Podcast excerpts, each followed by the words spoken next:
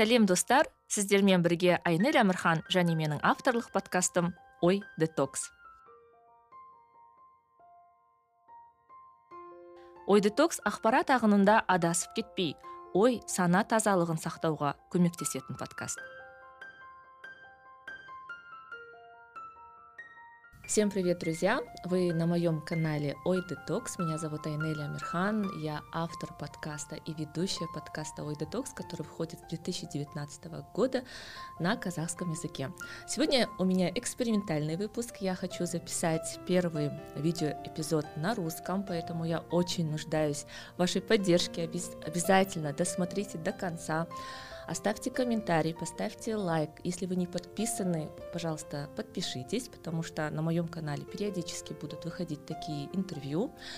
А сегодня мой гость Данияр Косназаров. Я думаю, многие из вас его знают. А, Данияр, добро пожаловать на Ой Детокс. Как твои дела, как настроение? Спасибо. А, наверное, надо тоже начать с казахского. Да. Шахарган рахмет. Угу.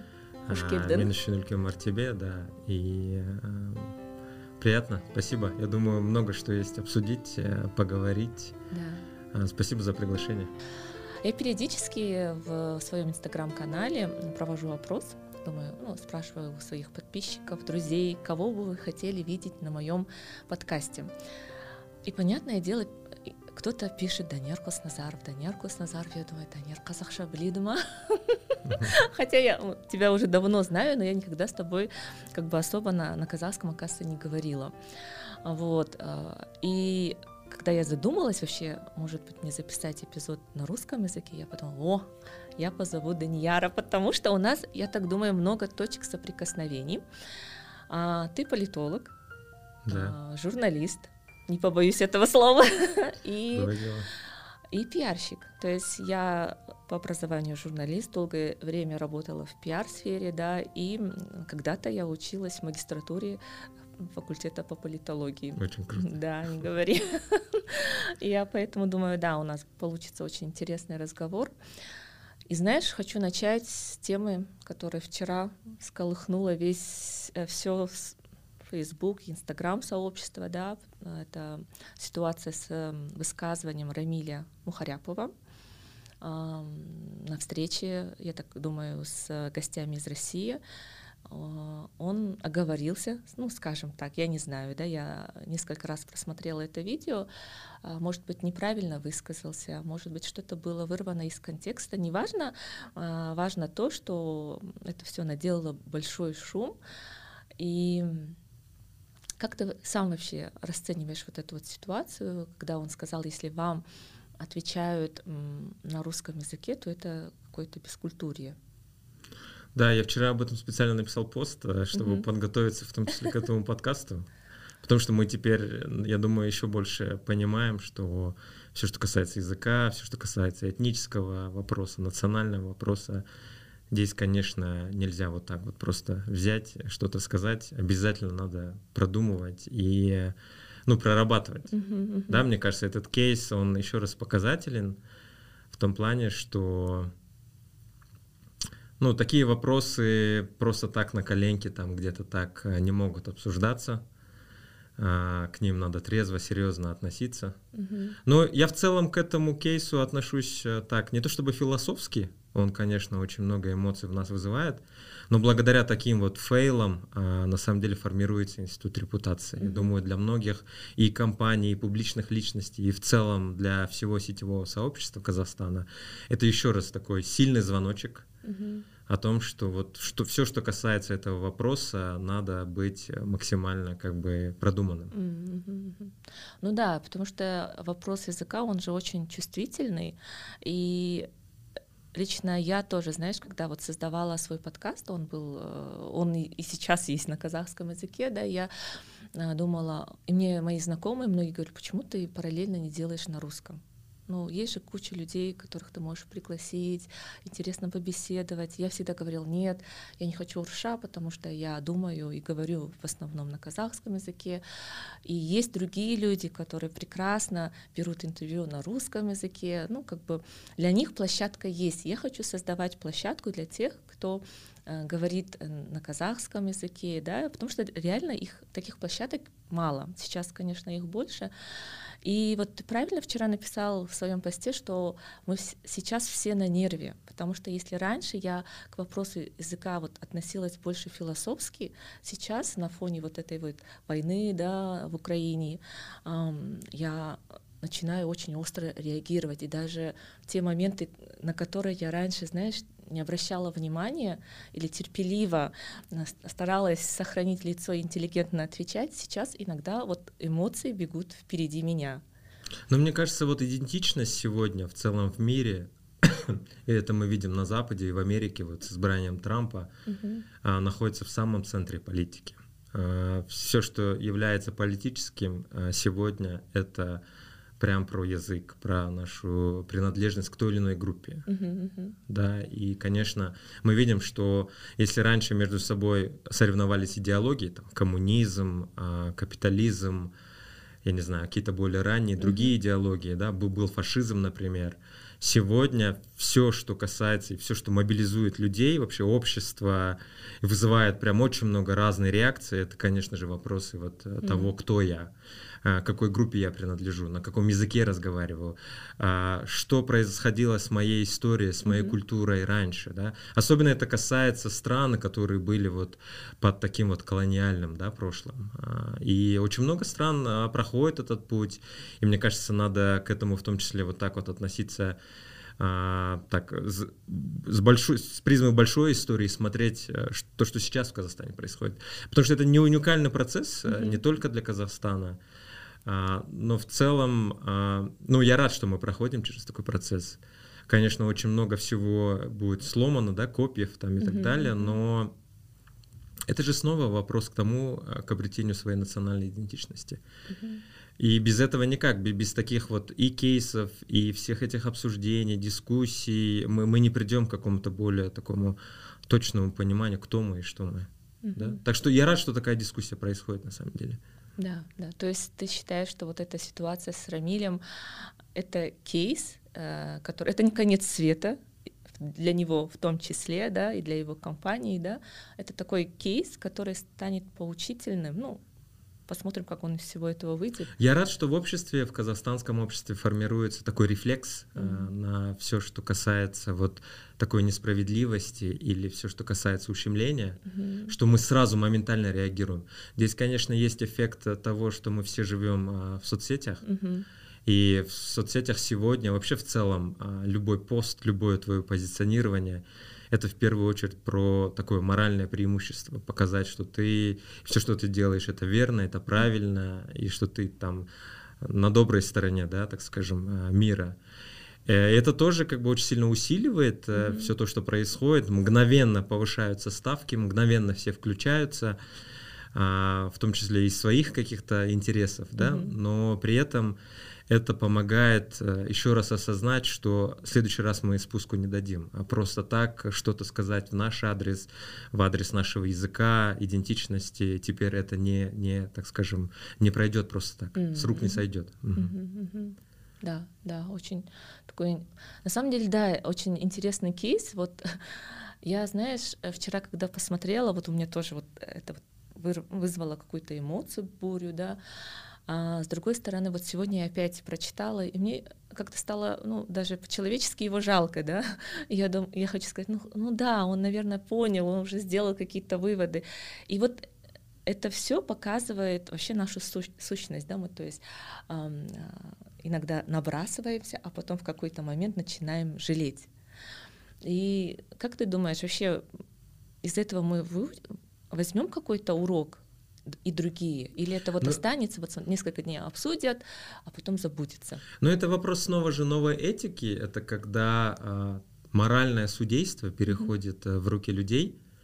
А, где не суд а, решает, а, кто прав, кто виноват, в судебном порядке, да, с, с определенными там формальными юридическими процедурами, а когда люди в соцсетях сами выражают свое мнение и говорят а, вот как э, в гладиаторских боях спускают палец или вниз, или вверх. Uh-huh. Такая же история происходит сегодня. Это, это, это сетевая культура, это нормально, это вот э, результат того, что на самом деле все мы живем э, в интернете, в, сетях и так далее. Мне кажется, этот кейс еще раз очень хорошо демонстрирует, что новая этика uh-huh. а, пришла в Казахстан, она уже давно с нами, и что она живет своей жизнью, и на самом деле все компании, все личности, все, кто хочет быть публичным, да, или вообще в целом хочет понимать, что происходит в Казахстане, uh-huh. а, должен понимать, что новая этика, она вот в действии вот так вот проявляет себя. Но, конечно, есть фактор того, что там а, через некоторое время это все уляжется, все забудут. Но что самое интересное, все так же припоминают э, Мухаряпову и его компании вот кейсы с пилотками. Uh-huh. Да, то есть э, все равно люди не забыли, люди вспоминают, и в любой момент это может сыграть э, против тебя. Uh-huh. Потому что интернет на самом деле все стерпит, все всегда сохраняется, все есть в интернете, в кэше там и так далее. Из-за этого, конечно, любое твое действие должно быть э, супер продуманное, mm-hmm. любая коммуникация. Но э, мне кажется, вот обратная сторона всего этого это то, что вот через такие кейсы мы все понимаем, что да, лучше лишнего не говорить, и при этом выхолащиваться вот эта вот некая креативность. Мы все становимся политкорректными, все играем по правилам а, вот и новой этики, и затрагиваем темы и там разнообразия, и гендерного разнообразия, и вопросы там а, различных а, сообществ, mm-hmm. да, ЛГБТ-сообществ и так далее и тому подобное.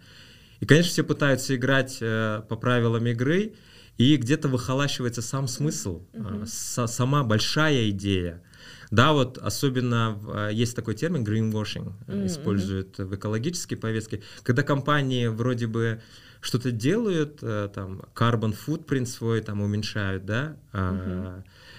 но это все так показушно, да, это mm-hmm. все вот только на публику, а в реальности там процессы или политика компании не меняется. Вот мне кажется, мы должны не заиграться вот в эту mm-hmm. игру, если мы верим, если мы действительно как бы понимаем, что, например, тот же казахский язык надо развивать, а, надо на деле это показывать, а не просто заявляя, что вот да, мы выступаем за развитие нашего языка. Mm-hmm. Mm-hmm. Ну, у тебя не отбило желание ходить по подкастам, давать интервью, выступать на каких-то площадках. У тебя или у тебя есть какие-то готовые месседжи, например, и ты рефлексируешь и говоришь, если бы меня спросили, я бы, наверное, ответил так. Вот как ты вообще? Ну, из-за этого я, например, э, у меня в Инстаграме, конечно, не такая большая аудитория, и я как бы не стремлюсь к этой большой аудитории, потому что за этим идет очень большая ответственность. Это mm-hmm. действительно, да, чем, чем больше у тебя аудитория, тем, тем еще больше ты должен фильтровать, так скажем, э, все сказанное.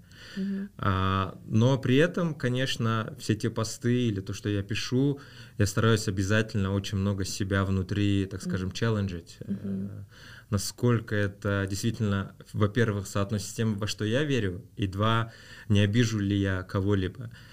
Но э, история такая, что любое твое публичное появление, любой твой пост, он всегда про то, что будут разные мнения. И это надо принимать, э, это надо понимать. И, ну, трактовать могут по-разному mm-hmm. все, что ты можешь сказать. Из-за этого, конечно, надо уметь э, быть максимально емким, лаконичным и при этом супер понятным. И вот вопрос языка в этом плане, вот в сетевой культуре, он начинает играть еще большую роль. И здесь, мне кажется, нужны действительно профессионалы, которые вот в любой компании, в любой команде могут правильно все это mm-hmm. разъяснить, растолковать, описать, и как бы, чтобы не было там разных кривотолков, да. Mm-hmm. Мне кажется, роль коммуникационщика вот в этой среде сегодня гораздо важнее, mm-hmm. чем, а, ну, не то чтобы чем все остальные, но она выходит на передовую. Mm-hmm. Mm-hmm. Ну вот ты сейчас возглавляешь пиар-департамент, да? Вот как бы не дай бог, если такая ситуация случилась с одним из ваших сотрудников, что бы ты посоветовал вот моментально принять да, к действию? Какие-то есть алгоритмы? Ну, э, ну во-первых, должна быть э, точная, настоящая политика компании по социальным сетям mm-hmm. и, и по, по любым публичным выступлениям. То есть какие темы можно затрагивать, а если затрагиваешь, то э, в какой тональности, да, или какой посыл должен быть при этом. Из-за этого, конечно, а, многие вопросы нами прорабатываются mm-hmm. перед выступлением наших спикеров. Но у нас все равно мы как бы больше про бизнес, мы больше про технологии, там, я не знаю, про uh, project management, mm-hmm. да, вот про ESG повестку, вот mm-hmm. экологическую повестку и так далее. Из-за этого, конечно, вопросы там национальных каких-то mm-hmm. вещей мы uh, не затрагиваем. Mm-hmm.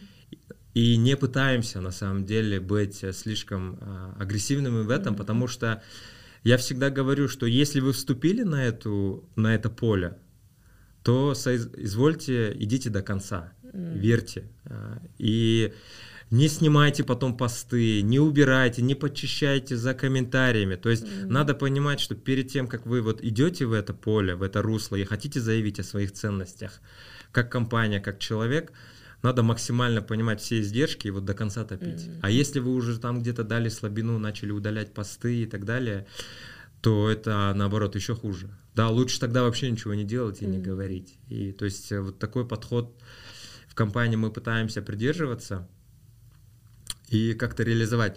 Но бывает такое, что за всем не уследить, люди разные, всякое происходит, эмоции зашкаливают, и, конечно, всем запрещать что-то публиковать ты не можешь, потому что, ну, это, это как цензура, mm-hmm. да, то есть э, я думаю, мы не та компания, которая цензурирует наших сотрудников, но здесь надо понимать, что антикризисные коммуникации сегодня это мейнстрим. Это не так, что ты вот ждешь в какой-то момент, что прилетит черный лебедь, там через несколько месяцев или через год или через три гипотетически mm-hmm. может возникнуть такой сценарий, что что-то где-то выйдет из-под контроля в публичном пространстве, тебя начнут хейтить, критиковать и так далее. А, к этому надо быть готовым всегда. Mm-hmm. Всегда мониторить все, что происходит, отслеживать повестку, смотреть, э, как это может отразиться на интересах твоей компании, на ее публичном имидже, там, на твоем mm-hmm. личном брендинге и так далее. И соизмерять это все. И это постоянная работа, она очень изнуряющая, нервирующая, но это издержки коммуникационщика. Да, да. Uh-huh. Вот я для себя, знаешь, как определяю, если какая-то тема вызывает во мне больше эмоций, чем какого- какого-то разума, да, там, рациональности, я стараюсь на эту тему даже с близким, близкими людьми не дискутировать. То есть это тема табу для меня. И даже когда мы с друзьями общаемся, они мне говорят, ну это же странно, что у тебя есть темы, такие флажки, которые ты изгиба, избегаешь, да, а где тогда ну, открытость, честность, ну, дружеские какие-то отношения. Я говорю, ну, для меня дружба важнее, чем какие-то события или э, ваши отношения к каким-то вопросам, потому что я уже чувствую, что я буду на эмоциях идти до конца, и мы можем как бы поругаться на ровном месте. Вот, вот как ну так. да, эмо, эм, мне кажется, эмоции, вот их тоже надо сохранять, мы все-таки живые люди, и любая первая реакция, на самом деле, она искренняя, она mm-hmm. правдивая.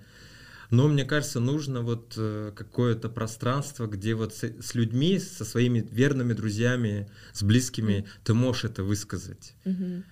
Да, но вот в публичном пространстве, где очень много незнакомых, и как бы, конечно, лучше вот преодолеть вот эту эмоциональную стадию и уже что-то трезво вещать. Но при этом снова же не терять э, вот эту вот искренность, трушность, угу. да, не играть только по правилам политкорректности, корректности и смотреться таким а, пластилиновым человеком. Угу. То есть э, культура сетевая, она в том числе про то, что мы все живые люди, мы все имеем эмоции, мы все можем их выражать спокойно, при этом не казаться супер я не знаю, продуманными, супер такими идеальными mm-hmm. и так далее. И это в какой-то степени и цепляет э, аудиторию, но мне кажется, должны быть границы в этом. Mm-hmm. Да, надо понимать, что дальше перегибать ты не можешь палку. Mm-hmm. Mm-hmm.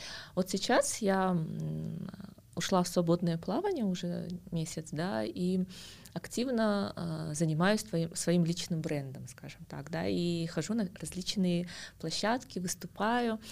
И я для себя определила, что я вот э, буду говорить про подкасты, про книги, там, про спорт, ну вот определила для себя какие-то темы.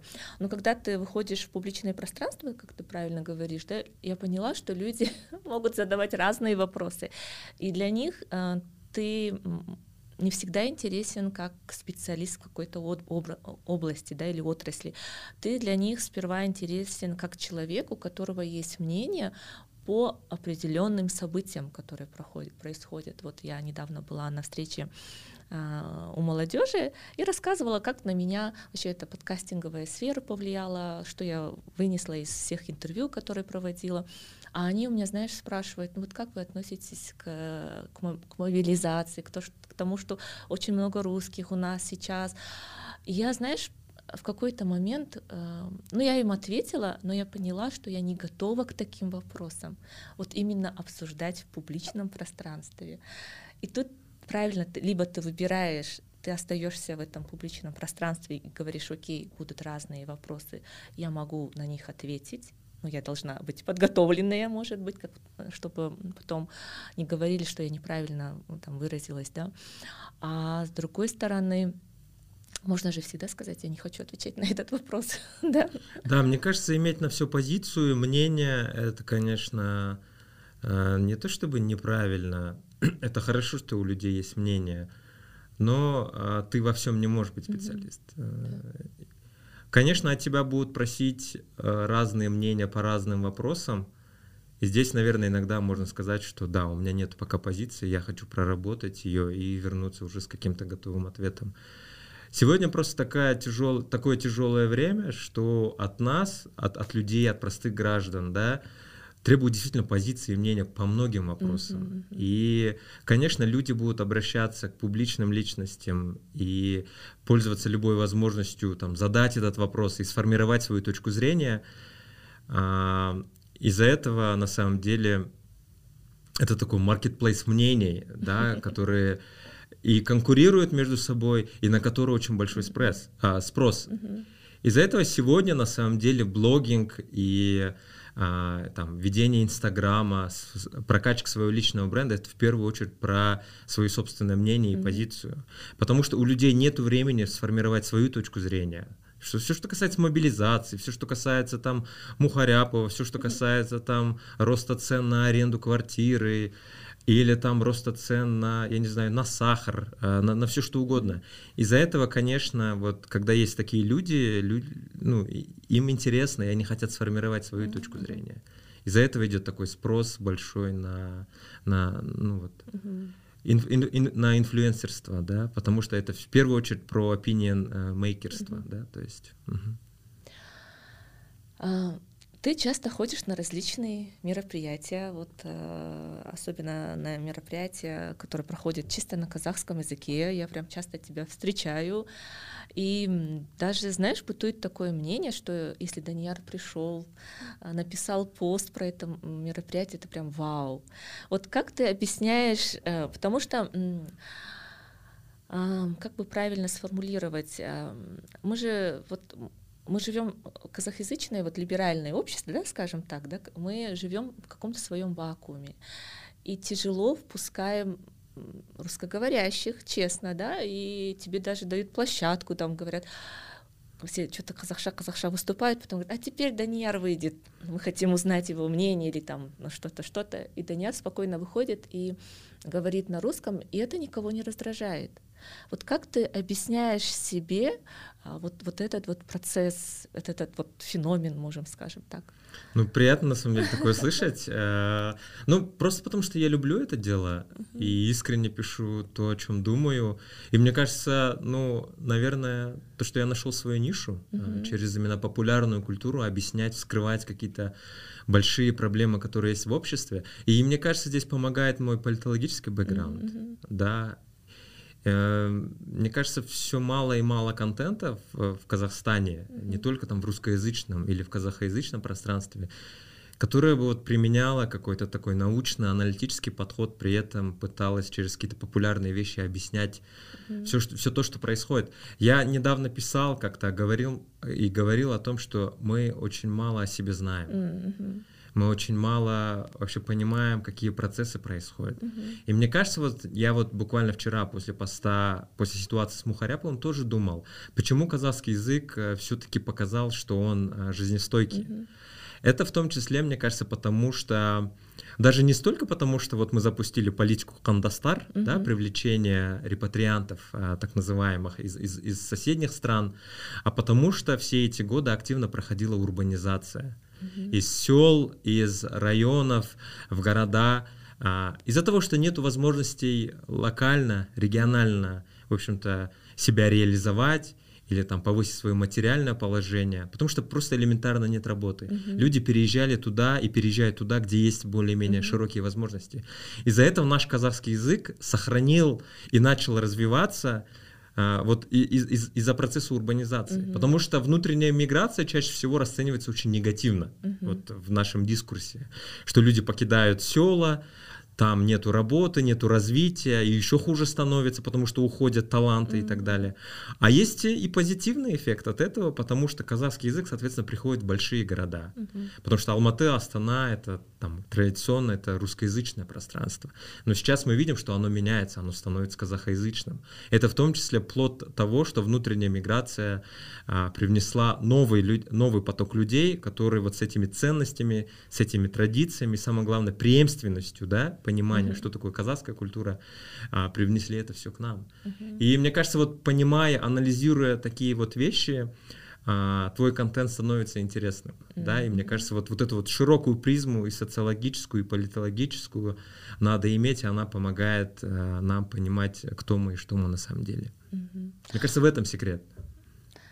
А вот смотри, э, ну вот ты же не затрагиваешь какие-то темы касательно политики, да, либо там, я не знаю, ты писал про Хантар или нет, я не помню, да, но я к тому, что для тебя это безопасная ниша, потому что ты работаешь, я, я сама была корпоративным работником, я знаю, какие есть ограничения, да, либо э, у тебя есть ограничения, это путь самовыражения, да, такой вот, ты не можешь молчать, но в то же время э, ты решил, что я могу говорить вот именно вот с этой точки позиции. Ну да, конечно, официально я представляю компанию, и это нормально, что а, есть определенные как бы угу. правила. А, потому что там, подписывая контракт с любой компанией, с любой организацией, ты на самом деле становишься ее частью mm-hmm. и, и становишься лицом. Особенно в такой профессии, как а, коммуникации, пиар и так mm-hmm. далее. Я думаю, здесь э, прям такого серьезного объяснения, аргументирования, наверное, не требуется, как бы понятная история. Но и у меня еще также сформировалось понимание, что через популярную культуру, mm-hmm. через музыку, через кино, через искусство, через там театр, на самом деле ты можешь а, быть еще более политологичным mm-hmm. или там а, с точки зрения международных отношений что-то объяснить. И это еще более понятно, потому что это общий референс для всех, это mm-hmm. общая точка входа для всех, все это понимают, все там слушают а, я не знаю, а, Димаша Худайбергена, все знают, кто такой а, Молдан Назар, или, я не знаю, все ходили, ну, там, последние показатели mm-hmm. покажут, что Дос Мукасан очень популярны. И вот через какие-то такие общие, общеизвестные темы раскрывать какие-то глубокие политологические, социологические вопросы. Mm-hmm. Потому что я, когда занимался политологией и международными отношениями, мы все варились в одном котле, и вот на всех конференциях встречались только политологи. И Одни вот, и вот из, из одного здания, из одной конференции все, что ты сказал, не выходило. Mm-hmm. И мне кажется, это большая проблема науки, политологии, что мы вот варимся только в своем соку, в своем котле, и не пытаемся применить наши знания вот через какие-то популярные темы, интересные кейсы, фокусы а, на более широкую аудиторию. Mm. Вот в этом, мне кажется, будет такой секрет успеха ученых в том числе. А вообще вот про язык еще один вопрос. Как ты думаешь, на все вот э, на, на, наш, на наше восприятие языка, э, поиска идентичности повлияла все-таки ситуация в соседних странах, либо это, это созревало? Это вот уже как бы вот Молданазар, э, One, там я не знаю, кто еще ребята, да, которые появляются через музыку, через культуру, они показывает, что казахский язык э, — это модный язык, на нем говорить это очень модно. И они немножечко эту почву готовили. Вот как-то. Да, ну процессы, они на самом деле длительные. Угу. Это не так, что вот какой-то триггер э, или там точка, да, новая отчета, которая как бы все заново перестраивает и так далее. Потому что социологически, если смотреть, то все эти годы, последние 30 лет, э, мы все равно шли к тому, чтобы казахоязычное население повышалось угу. в общей структуре общества, в демографическом смысле. И сегодня казахов, э, я не знаю, больше 70%, да, чуть ли не 80%. Угу. И как бы это же все не за один день формировалось. Из-за этого, на самом деле, это объективный процесс для кого-то может казаться, да, что такие личности, там, как Молда Назар или Нантиуан или Димаш, как бы дали еще более новый толчок, uh-huh. и мы все стали уважать вдруг после там какого-то трека. На самом деле есть более широкие, большие мазки, которые этот тренд и формируют. Но такие личности, проекты, кино, да, которые есть сейчас, они просто дают, задают новый стимул, mm-hmm. придают новый импульс и делают язык еще более привлекательным. Но они а, все равно отталкиваются от того, а, креативные люди особенно, творческие люди особенно, они формулируют то, что витает в воздухе. Mm-hmm. И понимают, что казахский язык как инструмент донесения информации, самовыражения на самом деле востребован. Mm-hmm. А, когда нет аудитории, соответственно, тяжелее что-то делать. Да? И многие тот же проект 91, они все равно пришли на определенный готовый, так скажем, а, фундамент. Угу. Но а, придя, они как бы его качественно еще сильнее повысили. Угу. Да, то есть без фундамента на самом деле не было бы этих проектов. Вот сколько я себя помню, и сколько я знаю своих знакомых, друзей, да, вот этот разговор, что а, казахский язык трудно выучить. А, до сих пор нету нормальных учебников, нормальной методики, а, нормальных там, я не знаю, программ, книг. Ну, знаешь, много экскьюзов. И вот я, я говорю, что вы не, не ищете возможности, вы ищете причины, чтобы его не изучать. Но в то же время, вот я все равно казахоязычная, для, я, для, для меня никогда не было, а, я не сталкивалась с той проблемой, что а, мне непонятен какой-то предмет в школе, да, я прекрасно все понимала. Я жила в селе, я выросла, я приехала в, в Алмату, училась, в, жила в Казгуграде, там тоже был, были все приезжие, и мы как бы коммуницировали. У меня, знаешь, первая проблема того, что мне надо знать русский язык, эм, э, появилась тогда, когда я пошла устраиваться на работу. Тогда я поняла, что либо я иду на, э, в редакции Анатолии казах адибеты, да, чтобы просто там использовать свой казахский язык. Но если я хочу пойти в какие-то организации, то мне, оказывается, надо очень э, грамотно владеть русским языком, потому что говорить мало, надо говорить красиво, грамотно, да еще и писать. То есть вот тогда я подумала, так, что-то тут как-то странно.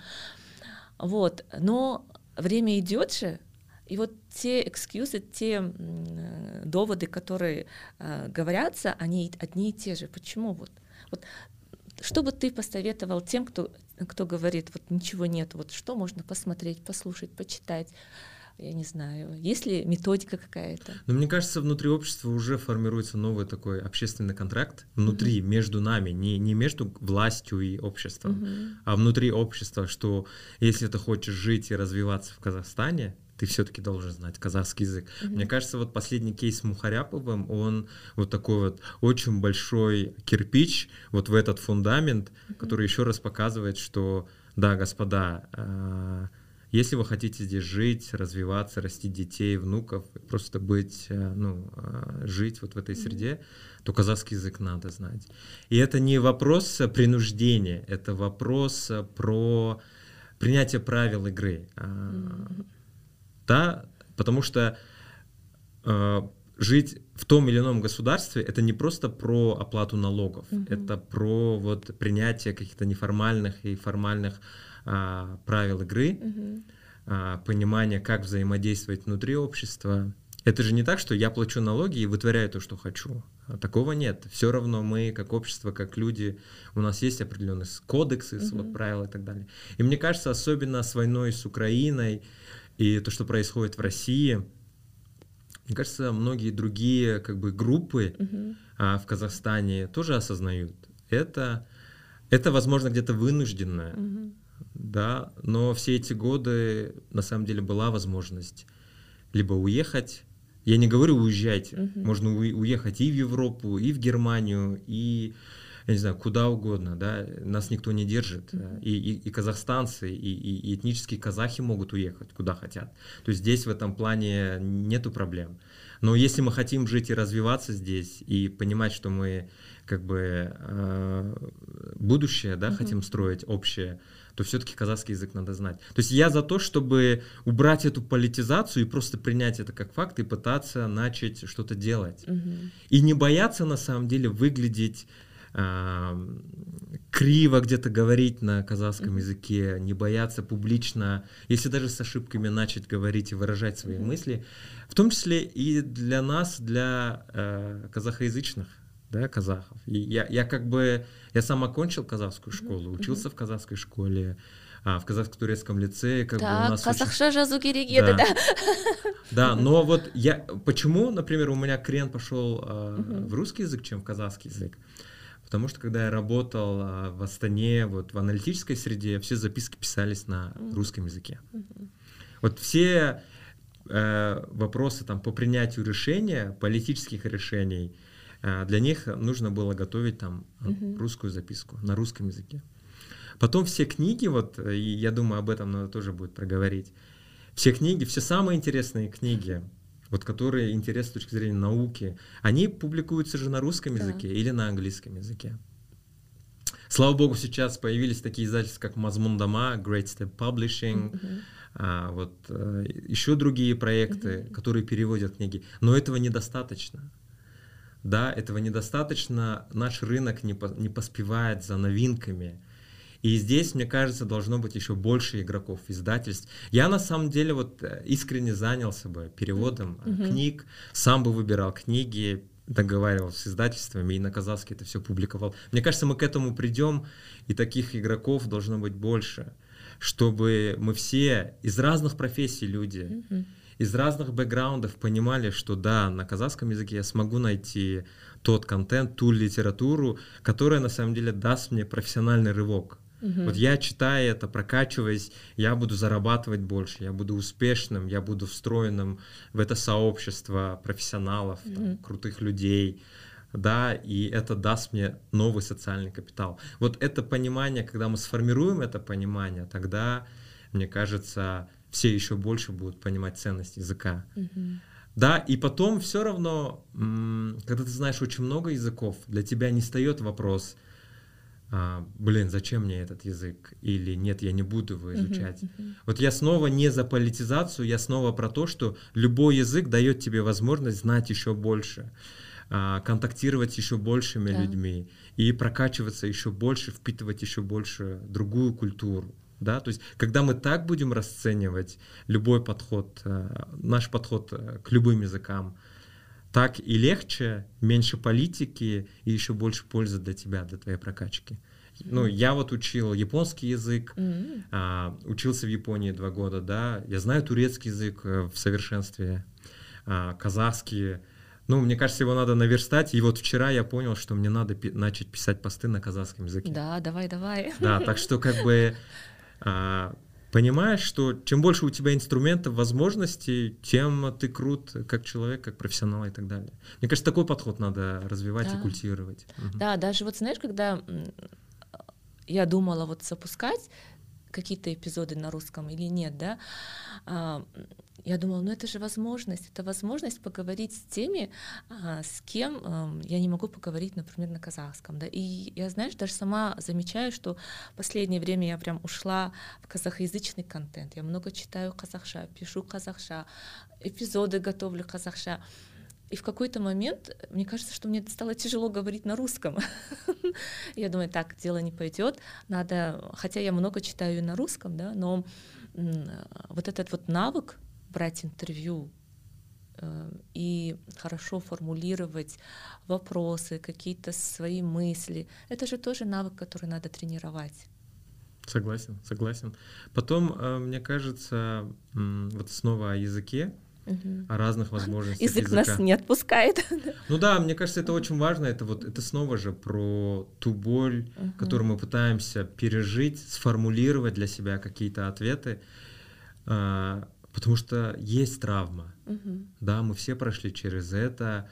Это передал, передалось нам в разговорах из детства. Мы все так или иначе сталкивались с какими-то ситуациями, когда нам а, говорили, да, что вот қазақша сөйлеме или а, я в детстве помню ситуацию, мы переехали из Актюбинска вот в Кустанай, в город Рудный. А, я жил вот э, в 20 микрорайоне, кажется, где все друзья мои были в основном русскоязычные, mm-hmm. да. И ты, конечно, понимаешь, что чтобы встроиться в эту среду, ты должен говорить на русском языке.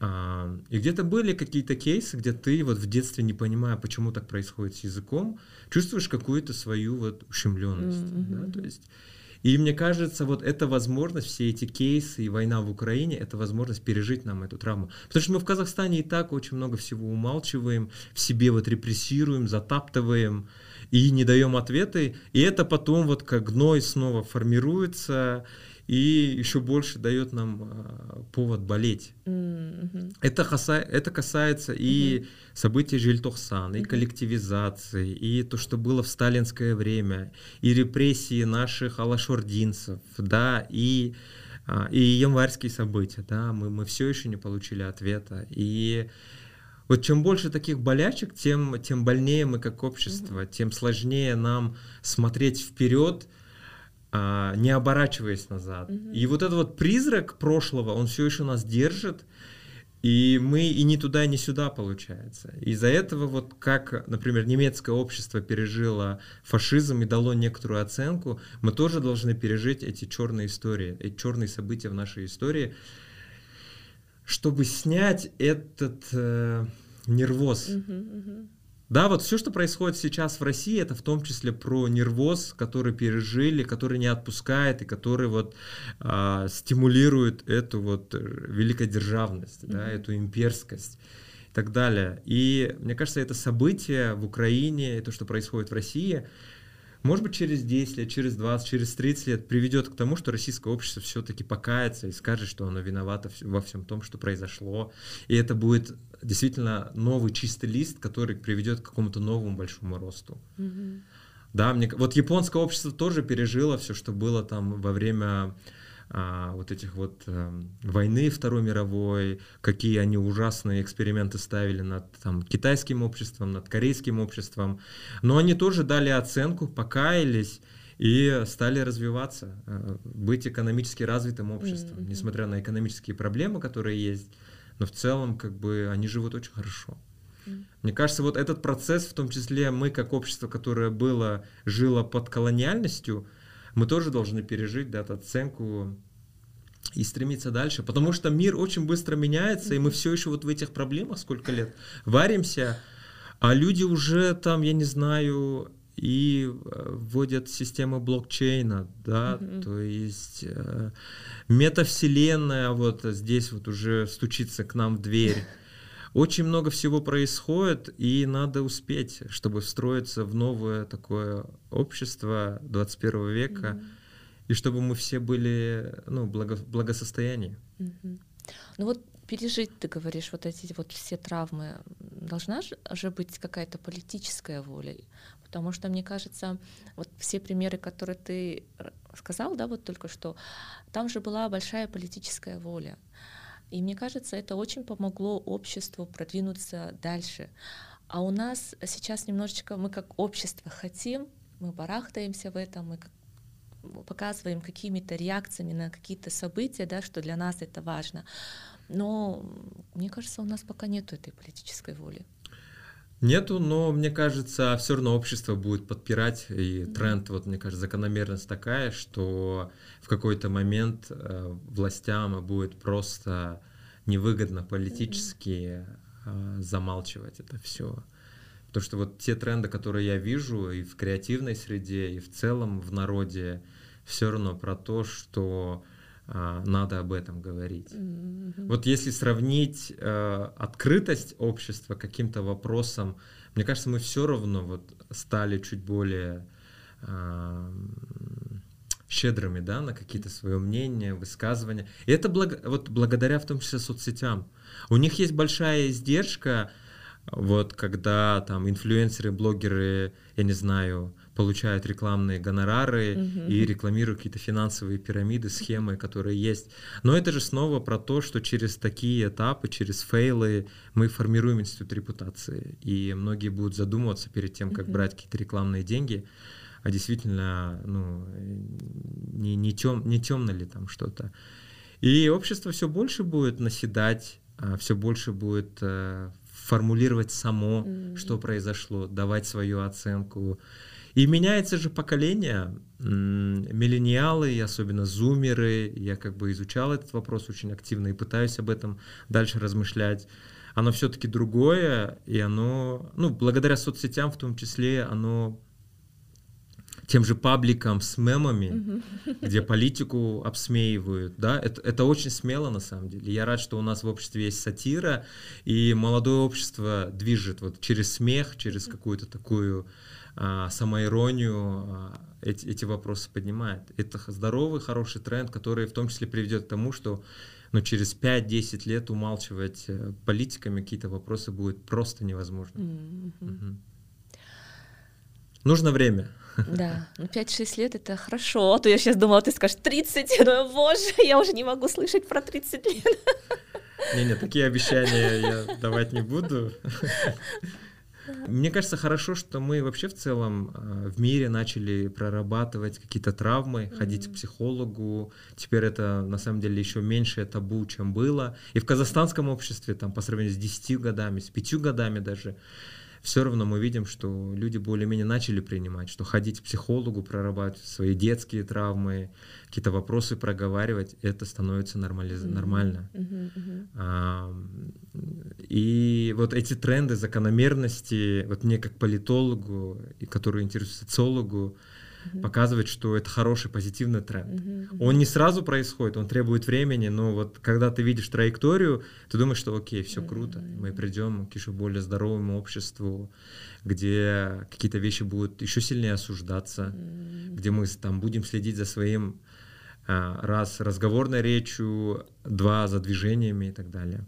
Вот я недавно, вот после поста Рената Балгабаева ага. о том, что как бы он не заходит в лифт, э, когда видит женщина, я вот тоже за собой замечал, я думаю, я об этом напишу тоже пост когда-нибудь, о том, что я не хочу, как мужчина, э, быть ассоциирован в качестве насильника, mm-hmm. например, когда я иду а, сзади там девушки, угу. женщины, я не знаю, матери и так далее, ты уже на самом деле в тебе сидит этот цензор, а, в тебе сидит это а, осуждение себя на самом деле, такой блейминг себя, что да, я должен сделать все так, чтобы э, вот человек, который идет впереди меня, не подумал, что я имею какие-то там скрытые мотивы, помыслы и так далее.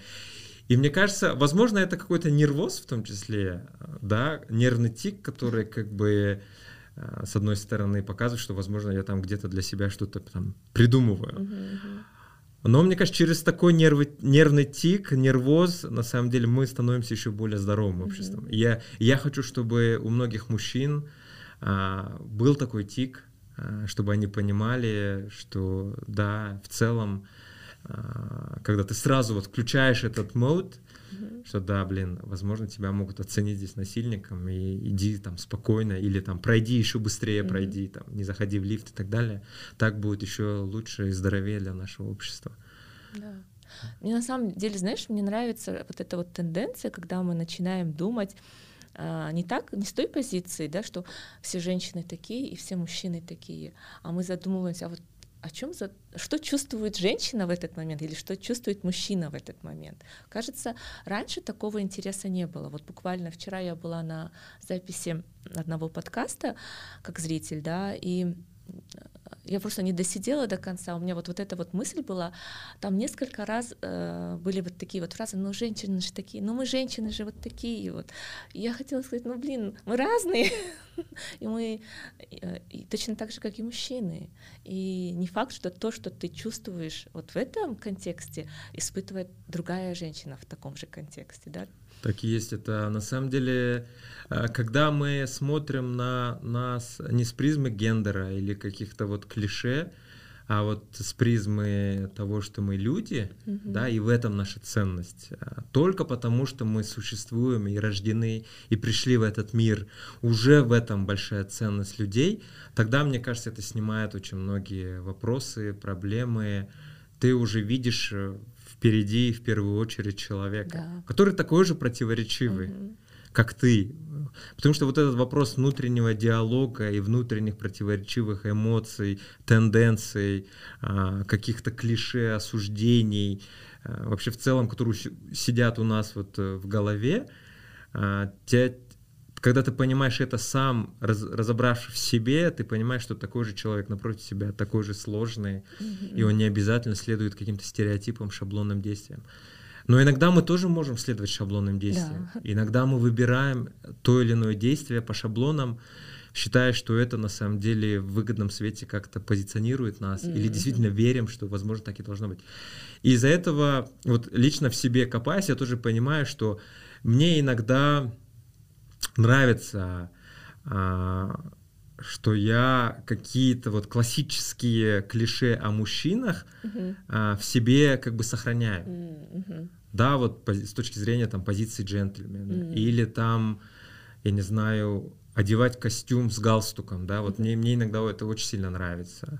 Или там, я не знаю, а, заплатить при встрече, mm-hmm. да, э, за счет самому, mm-hmm. например, не разделив счет. Да, да. Да, там деловые встречи бывают, угостить кофе, mm-hmm. например. И как бы сохраняя при этом вот, вот эту сторону, что если, например, э, твоему партнеру там визави неудобно что я оплачу счет, например, uh-huh. да, да, а, заплатить его вместе, uh-huh. не вставать в позу и говорить, что нет, я мужчина, я должен это делать. То есть быть максимально гибким, а, вот и договариваться, уметь коммуницировать и считать, что то, то или иное твое проявление, оно а, нормальное, mm-hmm. да, но не уходя в какие-то в крайности, да, в какие-то экстримы там вот э, я мужчина условно ударил по столу и вот мен айтханым э, дұрыс и так далее. То есть но это такой диалог постоянно это очень сложно и он требует времени проработки. Я вообще верю в то что вот а с, с, с гендерной повесткой и с вопросом о правах женщин, об их представленности, об, об инклюзивности в целом, и там на уровне корпорации, да, на уровне топ-менеджмента, очень важно переосмысливать и маскулинность. Mm-hmm, mm-hmm. Не с точки зрения того, что там вот клише, да, что вот из, токс, из токсичной маскулинности переходить в какую-то более там эмпатичную маскулинность. А, в целом нужно нам, мужчинам, переосмысливать, что значит mm-hmm. быть мужчиной сегодня. И мы тоже может быть слабыми, Конечно. ранимыми, я не знаю, иногда... Из кавычек можете быть. Да, да, да, да, да. То есть. Э, не иметь настроения, да, там, иметь головную боль и не заниматься там любовью с близким, да, то есть в этом плане все очень универсально и все то, что мы там uh-huh. клише надеваем на противоположные, там, скажем, а, образы, такие же могут быть и у нас. И мне кажется, мужчинам в целом надо переосмысливать. Почему? Потому что это тоже снимает нервозный стресс для мужчин. Uh-huh. Потому что они тоже живут вот в этих клише, в этих суждениях, что мы должны быть такими, должны так действовать и так далее. Мы не должны так действовать. Mm-hmm. Нету ничего а, там в Конституции это не прописано. Мы клятву не давали, что мы только так будем действовать. И чем быстрее мы снимем этот стресс, этот нервоз, э, тем легче нам будет жить. Потому что вот это вот клише, что мы там добытчики, а, вот снова же я об этом всегда говорю. Uh-huh это приводит к большому уровню суицидов среди мужчин. Mm-hmm. Там 35 плюс, 45 плюс, самое большое количество суицидов в Казахстане. Это не только среди подростков, mm-hmm. но и мужчин а, там выше 40. Потому что они снова живут вот в этих ожиданиях давления общества, давления внутри семьи в том числе, да. которое приводит э, к тому, что люди просто ломаются и понимают, что вот э, я дальше так не могу. Mm-hmm. Да. Это снова про издержки патриархального общества. И первые жертвы патриархального общества и патриархальных устоев это в том числе и мужчины сами, mm-hmm. не только там женщины и кто-либо еще, да, там. Да. Мгм. На самом деле очень интересная тема, и мне кажется, вот вопрос самоидентификации это не только же вот э, кто я там по национальности или там по, это же и какой я человек, чего я хочу, э, нравится мне жить вот так вот, как я живу или нет. И я не знаю, мне кажется, Просто я этими вопросами э, начала задаваться вот сейчас, да, вот в своем возрасте. И мне кажется, что мое поколение тоже вот эм, об этом часто задумывается. Я не знаю, задумывается об, этим, об этих вопросах 20-летние или нет, но вот моё, мои ровесники точно, неважно, мужчина или женщина. И мне кажется, это тоже очень хороший диалог. м, Может быть, в следующий раз мы обязательно на эту тему еще раз поговорим. Еще один вопрос у меня был. Я слышала подкаст Уйлан, да, двухгодичной давности. Уйлан, да, он, кажется, называется. Ты там говорил, что ты бы хотел бы написать книгу. Вообще книга пишется или нет? Нет, пока не пишется, но уже, ну, я более-менее понимаю, о чем я хочу писать. На самом деле, даже если собрать посты, которые я написал о поп-культуре в. Казахстане, и их еще более широко расширить, дать какой-то такой еще более там аргументированный, там, с цифрами, со статистикой, с какими-то интересными фактами, то уже на самом деле готова хорошая книга. М, Но я не знаю, получится или нет, а, ну, как бы еще на рассмотрение, но уже есть готовая концепция, синопсис, м, классно, ага. написать книгу про то, а, что привело, вот, э, что является секретом казахстанской креативности. Мгм. Что привело к появлению Димаша, Скриптонита, Иманбека, там, 91, кого-либо еще. Именно со- социально-экономический анализ. Мгм, мгм. Да, я думаю, есть работы и очень много документальных фильмов выходило про казахстанскую креативность. Я знаю, что Куаныш Бейсеков до Нового года Мгм. Не вот Сданас Параман, вот в этот же аккурат он издал а, вот документальный фильм про казахстанскую креативность. М, Я знаю, что фонд Батырхана Шукенова вот про вот Анана издавал, да, работу с, с, а, с Бисикеевым. мгм. Но не хватает, как мне кажется, такого аналитического экспертного взгляда, Мгм. который бы сказал, что, например, а, благодаря росту, экономическому росту из-за цены на нефть в 2000-е годы мы там создали условно хоть какую-то небольшую подушку, что привело наше общество не к ценностям выживания, а к ценностям самовыражения. Мгм. Да, то есть какие-то такие вещи, которые бы с призмы науки, каких-то теорий показали бы, что это все не просто так, что были созданы какие-то условия, и мы, к сожалению, теряем эти условия. Мгм. И вот хочется бить э, в, э, в барабан и кричать о том, что мы теряем, например, мультикультурную среду в Казахстане. А она на самом деле привела к этому э, казахстанской креативности Мгм. То, что мы варились и в русскоязычной среде, и то, что мы вот взаимодействуем, и в нашем обществе живут и корейцы, и немцы, и а, русские, славяне, там, а, я не знаю, таджики, татары, кто-либо еще, Мгм. что это наоборот приводит вот к какой-то открытости мозга, гибкости мозга и восприятию других культурных элементов, Мгм, мгм. что порождает на самом деле еще большую восприимчивость каким-то культурным трендам, а, креативным трендам, глобальным трендам и так далее. Да, и что мы его теряем, и показать через такую работу, что надо этим тоже озаботиться. Слушай, очень интересная тема, я прям уже хочу почитать. Дай так что бог. пиши, напиши скорее. Вот. А, Спасибо, Данияр, за такую очень интересную беседу. Я на самом деле очень переживала, и, наверное, чувствуется это. Я даже вот, мне Ну, Совсем не меня чувствуется, поверь. Очень круто. скакали. Как будто ты всю жизнь занимаешься и казахоязычным, и русскоязычным подкастом. Вот, поэтому спасибо большое, что поддержал, пришел, а, поговорил и дал старт этому проекту, надеюсь, долговечному. Да, спасибо. Я на самом деле тоже очень сильно получил большое удовольствие.